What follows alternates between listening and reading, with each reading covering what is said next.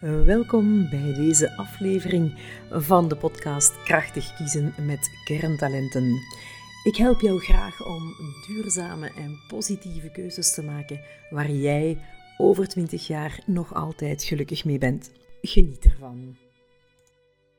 Hallo, welkom in deze podcast waar we het gaan hebben over werk- en familierelaties in verbinding met kerntalenten. Het is namelijk zo dat als we elkaars kerntalenten kennen, dat we de andere in een ander licht kunnen zien. Dat we hem beter of haar beter kunnen begrijpen. Dat we er sowieso milder tegenaan kijken. En trouwens niet alleen naar de andere, maar ook naar onszelf. En dat we dus eigenlijk minder last zullen hebben van angst of woede of nijd of andere, uh, vooral voor jezelf, meestal nefaste gevoelens. Op latere leeftijd leren de meeste mensen wel dat je anderen niet kunt veranderen en dat je ze dus moet nemen zoals ze zijn. Maar het zou dus eigenlijk heel erg leuk zijn als we dat ook al vroeger kunnen inzien, zodat we onszelf toch heel veel verdriet of boosheid of ja, moeilijke tijden en in, in onze relaties met anderen kunnen besparen. Natuurlijk is begrip alleen niet voldoende om geen ruzies meer te hebben. Maar het draagt zeker wel bij aan een betere en een snellere oplossing, als natuurlijk beide partijen dat ook wensen. We weten dat we met onze kerntalentenmethode inzicht geven op hoe je van nature in elkaar zit, dus eigenlijk op de aard van het beestje, plus ook op waar je talent of potentieel voor hebt, dus wat je zou kunnen aanleren, mits opleiding en of oefening. En ook nog een keer op je intrinsieke motivatie, dus op wat je echt deep down heel erg graag wilt. Met onze kerntalenten weten we dat we op het niveau zitten van de kleur van je ogen, dus die eigenlijk niet meer echt te veranderen zijn. Tenzij je iemands ogen wilt uitsteken, maar ja, dan is die blind en dat is uiteraard ook weer niet de bedoeling. Oké, in totaal zijn er 23 kerntalenten, dat weten jullie al wel. En van die 23 kerntalenten zijn er zes die een sociale component bevatten. Wat betekent dat? Er zijn 23 kerntalenten en zes daarvan bevatten dus een element dat te maken heeft met je omgang met andere mensen. Van die zes kerntalenten, die dus te maken hebben met je omgang met andere mensen, zijn er twee die het omgaan in één-op-één relaties met anderen betreft en vier uh, waar het gaat om omgaan met meerdere mensen tegelijk. Als je van een paar cijfertjes houdt, elk van deze zes kerntalenten kun je sterk of half of klein hebben. En als je die allemaal gaat combineren, kom je dus eigenlijk tot drie tot de zesde macht mogelijkheden. Met andere woorden, 729 mogelijke combinaties. Alleen nog maar wat de dimensies op die sociale kerntalenten betreft. En zo zie je maar weer, we kunnen opnieuw geen types of hokjes of vakjes maken waar we mensen kunnen instoppen. Nog los van het feit dat we dat ook helemaal niet willen doen, zoals jullie weten. Welke zijn nu die zes kerntalenten en wat is hun essentie voor ons verhaal over familie- en werkrelaties? Wel, de twee die voornamelijk handelen over hoe sociaal je bent in één-op-één relaties, zijn wat we noemen de zorgende empathie en de transpositie-empathie. De essentie van die zorgende of sympathische empathie is letterlijk iemand willen verzorgen en de verantwoordelijkheid willen opnemen voor zwakkeren. De essentie van de tweede, van die transpositie-empathie, is eigenlijk willen begrijpen en invoelen wat die andere persoon denkt en voelt, maar vanuit diens eigen achtergrond en situatie. Dus los van hoe je jezelf zou voelen als je in diens situatie zou zijn. De vier kerntalenten die handelen over jouw wijze van sociaal willen zijn met meerdere mensen tegelijk, zijn deze. 1. De sociale organisatie. 2. De passieve sociabiliteit. 3. De teamplay in losverband. En 4. De gestructureerde teamplay. Bij de sociale organisatie gaat het essentieel om heel graag het initiatief te willen nemen om mensen bij elkaar te brengen met als enige doel om ze een fijne tijd te laten beleven. Onder het kerntalent passieve sociabiliteit zien we de goesting terug om gewoon gezellig samen te willen zijn, zoals met small talk en socializing. Met het kerntalent teamplay in los verband bedoelen we dat je graag wil samenwerken met behoud van een flink stuk vrijheid en autonomie. En met het laatste kerntalent in dit groepje, dat gestructureerde teamplay heet, bedoelen we graag samen naar een doel toe willen werken, waarbij duidelijk is wie wat wanneer doet. Elk van deze zes kerntalenten werken onderling ook op elkaar in. Zo kun je bijvoorbeeld ontzettend veel houden van small talk en socializing, dus een sterk kerntalent hebben voor passieve sociabiliteit, en tegelijkertijd niet echt geïnteresseerd zijn in wat die andere denkt en voelt vanuit zijn eigen situatie. En daarbij toch geneigd zijn om die andere te willen helpen, in de zin van er zorg voor te willen dragen. En dat bijvoorbeeld ook nog eens gecombineerd met kleine kerntalenten voor teamplay. Dus dat je liever alleen werkt dan samen met andere mensen in een team. Een andere mogelijkheid is bijvoorbeeld dat je juist helemaal niet houdt van passief samen zijn met veel small talk en socializing. En dat je niet echt geneigd bent om de ander bij het handje te willen nemen en toch heel goed kunt snappen waarom dat eigenlijk wel zou nodig zijn. En dan tegelijkertijd op groepsniveau dolgraag samenwerkt op voorwaarde dat de anderen zich aan de gemaakte afspraken houden en jij dus verder kunt bouwen op wat dat zij al allemaal hebben gedaan. Dat is ook een mogelijke combinatie. Of is er nog eentje, omgekeerd, dat je er juist niet van houdt om gestructureerd samen te werken, maar het juist wel erg leuk vindt als je een flink pak vrijheid behoudt en niet afhankelijk bent van de anderen, nog los van hoe je graag met anderen omgaat in de individuele sfeer. Enfin, zo kan je nog heel veel mogelijkheden vinden. Er zijn dus 729 combinatiemogelijkheden alleen nog maar op dit sociale niveau. In elk geval heb jij er daar eentje van. En trouwens, later combineren we die ook nog eens met al je andere 17 kerntalenten. Maar bon, voor deze podcast beperken we ons tot de zes sociale kerntalenten, zowel op individueel als op groepsniveau. Maar we mogen niet vergeten dat alle andere kerntalenten ook nog eens een keer hun kleur en inhoud mee zullen geven aan deze zes kerntalenten. Omdat dit natuurlijk allemaal nogal theoretisch en ingewikkeld klinkt, geef ik heel graag een paar echte, uit het dagelijks leven gegrepen voorbeelden. Het allereerste voorbeeld brengt me eigenlijk naar een teamlid en een fameuze vergadering van maandagmorgen. Ons teamlid heeft een heel sterk kerntalent voor zorgende empathie. Maar helaas, dat weekend heeft hij zijn been gebroken en hij kan dus zelf niet zorgen voor de koffie en de koekjes op de maandagochtendmeeting.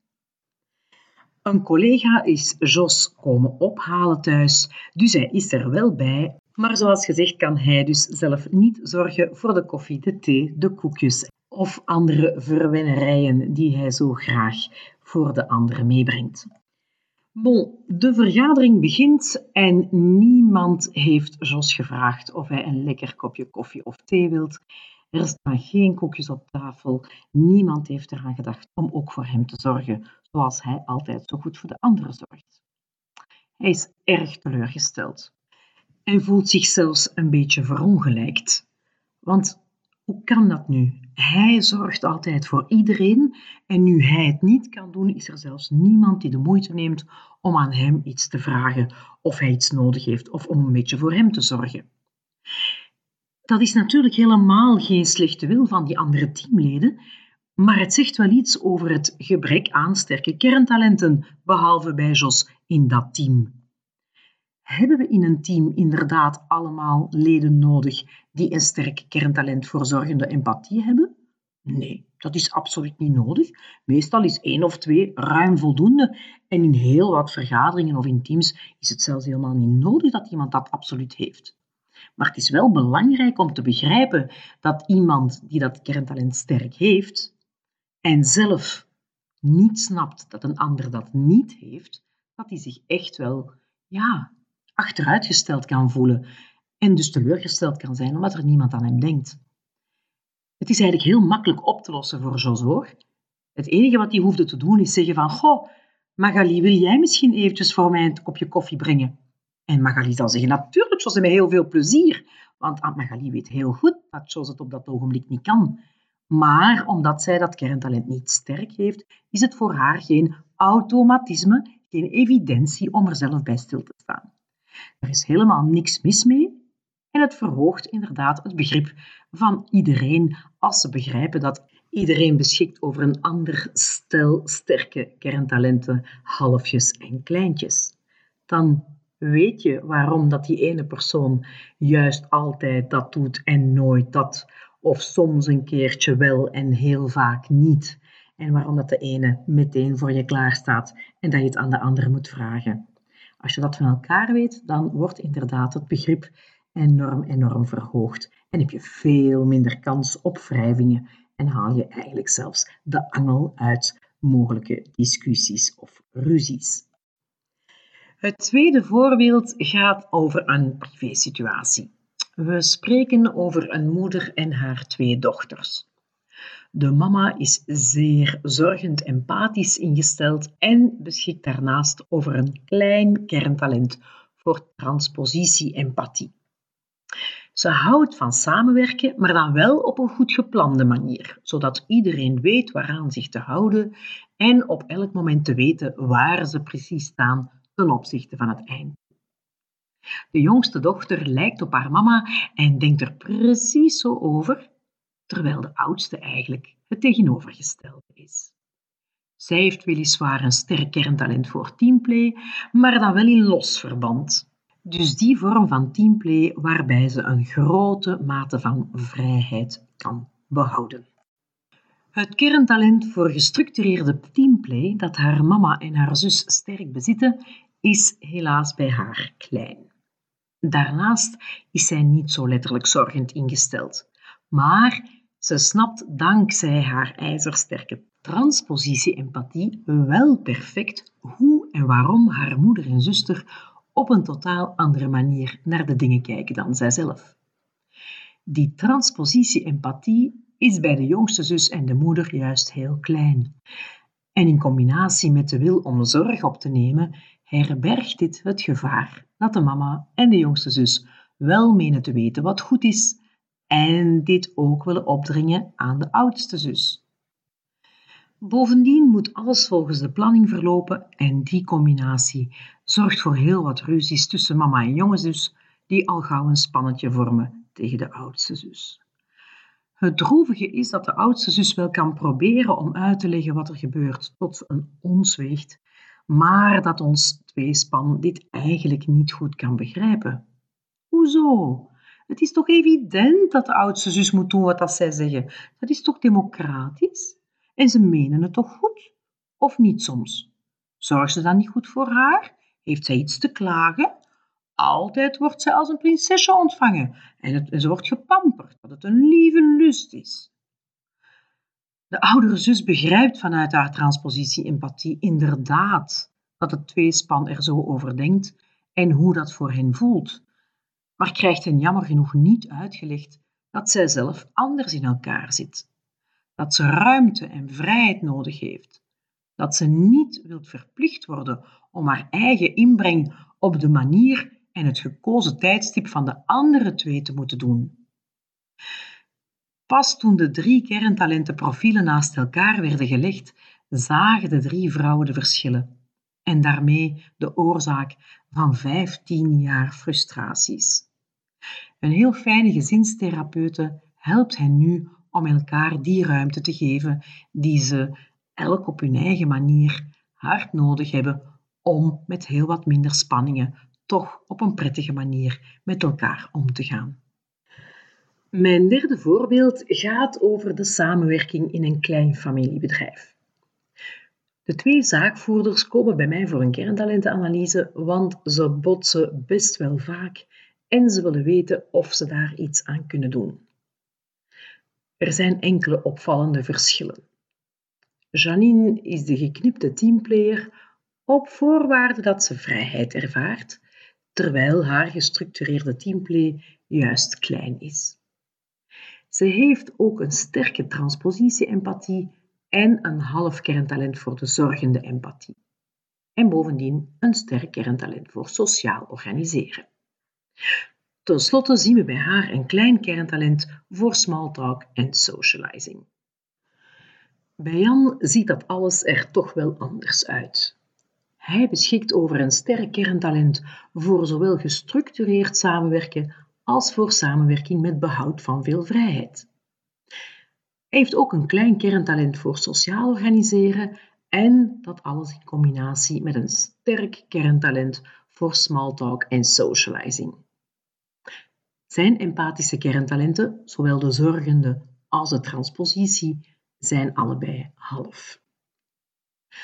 Jan heeft daarnaast een ijzersterk kerntalent voor strategie en een even sterk kerntalent voor tactiek en structureren vanuit hoofdzaken.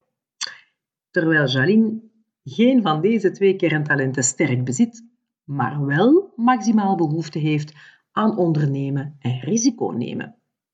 Dat laatste betekent dat ze heel ongeduldig is, van avonturen houdt en regels durft breken, terwijl dat bij haar niet wordt gecounterd door veel rationaliteit op middellange en lange termijn.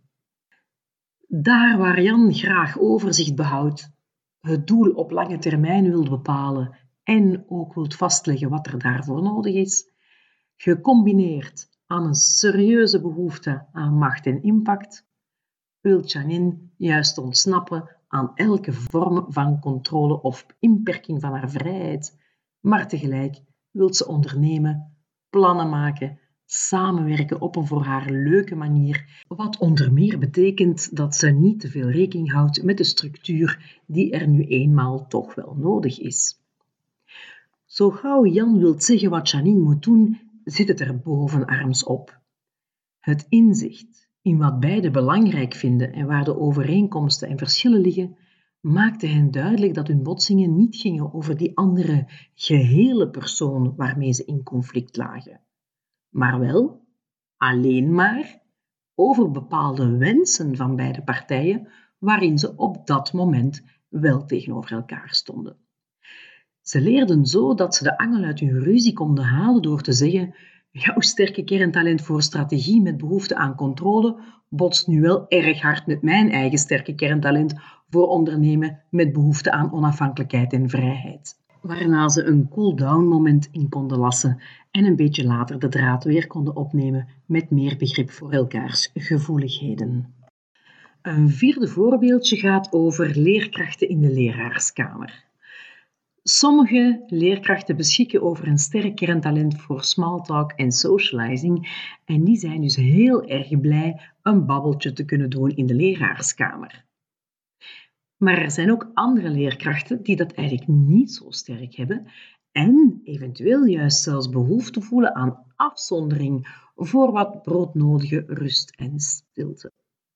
Ook ons kerntalent mentale creativiteit speelt hier een grote rol. Want in die mentale creativiteit zit onder meer een extra gevoeligheid voor prikkels, spanningen, sfeer en emoties. En daardoor heeft deze man of vrouw op regelmatige tijdstippen nood aan absolute rust en stilte. En die zul je in een kamer vol leerkrachten natuurlijk maar zelden vinden. Indien de andere leerkrachten dat niet weten, leidt deze man of vrouw dus dubbel. En zien we ook een veel grotere kans om ziek te worden. Kortom, er zijn heel wat combinaties van deze zes sociale kerntalenten die maken of iemand meer of minder sociaal is en hoe iemand dan wel precies sociaal is. De meest sociale in de groep is daarom niet de grootste empathicus. En de grootste empathicus is niet per definitie de meest sociale met meerdere mensen tegelijk. Weten dat er zelfs twee soorten teamplayers bestaan, helpt ook al om het concept van samenwerken beter te snappen. En natuurlijk is het geweldig als je weet dat iemand van alles veel of juist maar een klein beetje kan hebben en dat dat niets zegt over diens waarde als mens. Il faut de tout pour faire un monde, zei mijn oma altijd. Je hebt van alles nodig om een wereld te maken. En zo is het maar net. Beseffen dat er meerdere wegen naar Rome leiden, is daarbij een mooie tweede stap om samen op weg te kunnen gaan. Veel plezier in je relaties, privé en professioneel.